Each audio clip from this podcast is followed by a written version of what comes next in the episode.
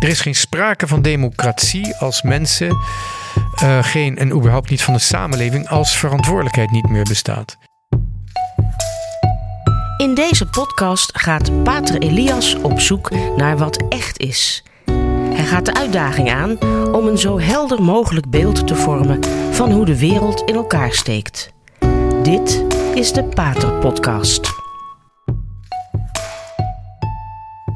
Wanneer deze podcast wordt uitgezonden, is het donderdag, de eerste dag na de verkiezingen. Terwijl het moet worden opgenomen op dinsdag, de dag voor de verkiezingen. En in de eerste instantie is dat heel frustrerend, want het zou natuurlijk hartstikke fijn zijn geweest als ik een beetje commentaar had moeten leveren, mogen leveren, op de, op de verkiezingsuitslagen, wie er wel en niet gewonnen hadden. Um, en um, ja, dat kan dus niet. En het is eigenlijk misschien maar goed ook, want um, nu hoef ik me daar niet mee bezig te houden en kan ik uh, verder kijken. Want wat er ook gebeurt in de politiek en wie er ook politiek bedrijft, we blijven altijd verantwoordelijk voor ons eigen leven. En dat betekent dat als de verkiezingsuitslag niet is wat wij wensen, en dat is in de meeste gevallen zo. Dat we um, ja, daar boos over kunnen worden of teleurgesteld. Of misschien ook wel bang voor, uh, van worden. Maar we kunnen wel gewoon doorgaan met ons leven. Want uiteindelijk zijn wij vooral verantwoordelijk tegenover onze lieve Heer en tegenover de medemensen. Wat wij doen in, um, ja, in de omgeving die ons gegeven is. En ons, dat betekent ons dagelijks leven waar we werken en waar we proberen uh, een goed mens te zijn en in, uh, in waarheid te leven. Waar je wel eens bij stil kunt gaan staan, want ik moet wel zeggen dat um, er wel degelijk in onze samenleving een hoop aan de hand is, dat niet direct door partijen kan worden um, opgelost. Dus ook al. Laat ik zo zeggen, wat ook de uitslag van deze verkiezing uh, is. Er zijn toch een aantal dingen die we, die we even goed moeten bekijken over um, ja, wat er aan de hand is in onze democratie. Want het is heel moeilijk om um, ja, vandaag de dag eigenlijk uh, te beseffen wat we wel en wat we niet kunnen veranderen. Wat we wel Um, waarin we wel eigen verantwoordelijkheid dragen en niet uh, verantwoordelijkheid dragen. Dat is heel lastig, omdat een heleboel van onze bakens, referenties, uh, die zijn verdwenen. Eén daarvan is bijvoorbeeld het verdwijnen tussen links en rechts. Vroeger, um, en ik zeg niet dat vroeger de goede oude tijd was, maar nog niet zo lang geleden had je over het algemeen links en rechts. En links ging vooral over arbeid, over werk, over eerlijk betaald worden en veilig kunnen werken. Nauwe band natuurlijk tussen de linkse politieke partijen en de vakbonden. En rechts ging meer over het vrije ondernemerschap. En ja, hoe je dus um, een bedrijf kon beginnen, die mensen kon betalen, maar ook winst te maken.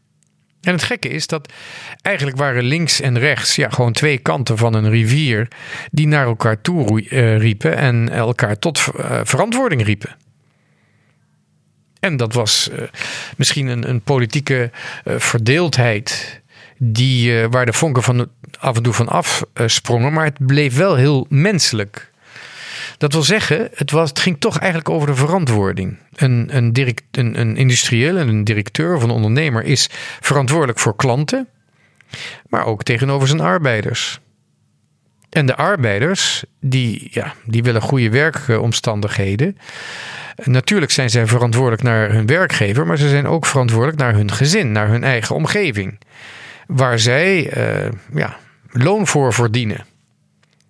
En het gekke is dat dat verschil tussen links en rechts is eigenlijk verdampt. Dat is er niet meer. En dat komt door twee uh, factoren. Ten eerste zijn de idealen van beide kanten eigenlijk verwaterd. En aan de andere kant is de verantwoordelijkheid zelf is onduidelijk geworden. Tegen, wie is nou precies tegenover wie verantwoordelijk? Wat die idealen betreft, is er in, in, in, in, um, in het linkse kamp is er iets heel vreemds gebeurd.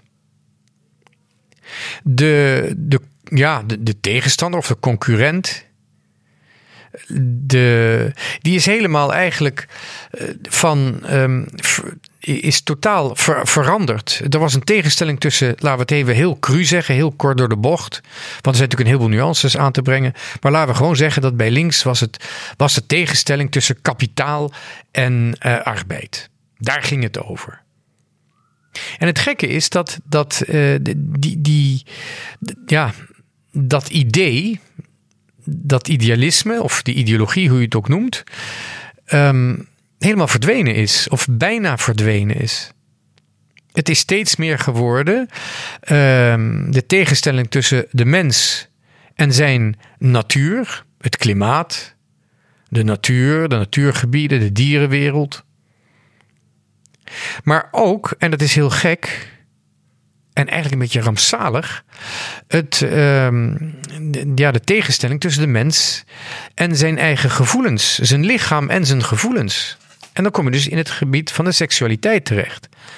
Links wordt als het ware ja, beleefd een hele merkwaardige tegenstelling, omdat het een tegenstelling binnen een tegenstelling is. Aan de ene kant moet de natuur bewaard worden, het klimaat moet hersteld worden, we moeten uh, goed zijn voor dieren voor de natuur om ons heen. Met alles verschillen van meningen die daar kunnen zijn, hoe dat nou moet gebeuren.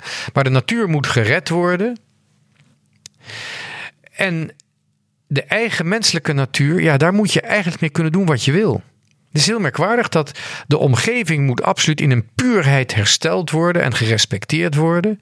De natuur, het, in verband ook met het klimaat en zo. Maar de identiteit van zo'n mens in een eigen lichaam is totaal los van de natuur, namelijk de vruchtbaarheid. De man-vrouw verhoudingen, die zijn toch bepaald door een bepaalde natuur. Met alle verschillen die er kunnen zijn, maar dat heeft toch echt te maken met, uh, of met alle nuances die je kunt aanbrengen, heeft dat te maken met vruchtbaarheid. Dus wanneer je een, een, tegenstelling, of misschien zelfs een revolutionaire tegenstelling wilt gaan maken tussen ja, de mens zoals hij zich voelt en de, de identiteit die hij zichzelf vindt hebben en zijn eigen lichaam, ja, dan ga je natuurlijk een, een revolutie beginnen. Dan, dan, dan wordt de, het lichaam wordt een soort van onderdrukker die eh, vernietigd eh, moet worden en die kapot gemaakt moet worden. Dan kom je in een hele rare, bizarre situatie terecht. En het is heel vervelend, maar als je dus over die genderproblemen, zoals het heet, de gendertheorie of de genderideologie, als je daar eh, te duidelijk in bent op internet, word je gewoon gecensureerd. Daar, daar is geen twijfel aan. Je, op YouTube of Facebook, zo gauw je iets zegt dat tegen die genderideologie ingaat, dan word je gecensureerd.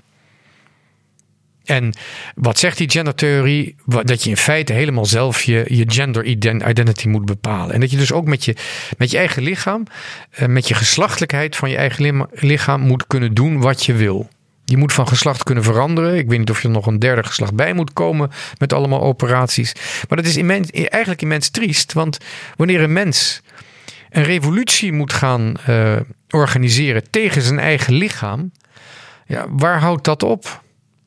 Dat is heel merkwaardig dat aan de ene kant zoekt die, die idealist, in, vooral in de linkse hoek, maar dat is ook eigenlijk geen linkse hoek meer, die zoekt een absolute vrijheid in wat hij met zijn eigen natuurlijke lichaam doet. En tegelijkertijd moet, het, moet de natuur die niet zijn lichaam is, zijn volledige omgeving, moet in een oorspronkelijke zuiverheid worden gerespecteerd of weer worden teruggebracht. En overigens, hoewel die, die, die gendertheologie en ook zeg maar de, de, de, de ecologische ideologieën toch meer uit linkse hoek zijn voortgekomen. Um, ja, is, inmiddels zijn ze ook gewoon naar de rechterhoek overgeslagen. En de oorspronkelijke tegenstelling kapitalist en arbeider, die lijkt gewoon bijna helemaal te verdwenen zijn uit het linkse kamp. Dus op de een of andere manier, of ze het nou zelf zijn kwijtgeraakt, of dat het gejat is, maar hun oorspronkelijke linkse politieke identiteit zijn ze gewoon kwijtgeraakt. En nou zijn ze groen of ze zijn uh, gender. Um, het is het klimaat of de regenboog, zo kun je het ook zeggen. Nou, aan de andere kant, aan de rechtse kant, is er ook een proces geweest wat misschien veel subtieler is en moeilijker aan te wijzen, maar um, ja, toch ook eigenlijk onomkeerbaar is gebleken. Dat is namelijk dat de vrijheid van ondernemen, die aanvankelijk industrieel was, die is helemaal verschoven van het dingen maken en produceren naar het geld. Het investeren, het aandeel kopen. Um, en dan niet meer op een manier dat je je betrokken voelt bij het bedrijf of bij waar het aandeel van is. Maar het is allemaal uh, verbonden in fondsen, in pakketten, derivaten, die in, die in feite um, de verantwoordelijkheid ook doet verdampen. Dat is heel merkwaardig. Net zoals bij links als bij rechts is verantwoordelijkheid is verdampt. Geld is een middel geworden dat bovendien gecreëerd kan worden door banken en door overheden die samenwerken. Geld is totaal ook, um, ik zou bijna zeggen, niet zozeer zijn waarde, maar wel zijn normen is het verloren. En het verliest dan ook zijn waarde. Een ondernemer die weet eigenlijk niet meer wat hij echt heeft. En door wie hij geheefd of gehept wordt. Want bedrijven zijn in handen van aandelenfondsen, die weer in handen zijn van andere fondsen, weer van andere fondsen, verwerkt in derivaten. Niemand weet meer uiteindelijk wie er nou precies wat aan wie verschuldigd is, waarom en wanneer. En dat is de belangrijkste vraag: hoe het in godsnaam ooit kan worden terugbetaald. En rechts dus kan nog wel door blijven praten over liberaal ondernemen, maar kan dat überhaupt nog? Wanneer de markt heilig is en niet meer wordt bepaald door wat mensen willen, maar wordt bepaald door financiële systemen die niemand echt begrijpt. En bovendien een markt die wordt bepaald door commerciële reclame, die ons wijsmaakt dat we nodig hebben wat we niet nodig hebben. Het is heel vreemd, maar die, die markt is eigenlijk verworden tot één grote leugen over wat we werkelijk nodig hebben. Er wordt wel gepubliceerd, maar de, geproduceerd, maar de productie is zo eh, overdadig dat we bij God niet weten hoe we het kwijt moeten raken. En dus moeten de mensen maar in hun consumptiegedrag gestimuleerd worden. En dan is het balletje rond. Want de reclame speelt zo in op het verlangen naar vruchtbaarheid in de mens, dat wil zeggen de seksualiteit, dat juist door die reclame de mens ook de kluts kwijtraakt over wie hij nou werkelijk is, als man of als vrouw. De commerciële reclame wekt bij de mens impulsen op, door beelden vooral, maar ook door geluiden, door de hele, al, al, alles wat erbij hoort de hele commerciële reclame die creëert uh, bij de mens een zelfbeeld wat niet klopt, dat onhaalbaar is en um, ja, ook totaal niet meer natuurlijk is. Zelfs de mooiste filmster die een of andere zeep moet adverteren, die moet uitgebreid weer door de Photoshop nog idealer worden gemaakt, anders kan ze niet op de poster. Dat wil zeggen, wij worden in de reclame totaal gek gemaakt. Nou, als ouderen, zoals ik, uh, maakt het allemaal niks meer uit. Want voor mij is het toch nog te laat om een groot gezin te stichten of om een uh, jonge populaire priester te worden. Maar er zijn jonge mensen die nog hun leven aan het maken zijn, die nog aan het uitvinden zijn wie zij zijn. Of die nog echt iemand willen worden. En als je dan van s ochtends vroeg tot s avonds laat met de meest fantastische, uh, verfijnde technieken wordt wijsgemaakt dat je niks waard bent, tenzij je iets koopt. De, de meest ehm, geavanceerde psychologie wordt gebruikt bij de commerciële reclame. Ja, als je daar op je, in je jonge jaren aan wordt blootgelegd, nou, natuurlijk word je knettergek gemaakt. En dan is het balletje rond, want via de commerciële reclame die de markt uh, levend moet houden, een soort van zombie is de markt geworden.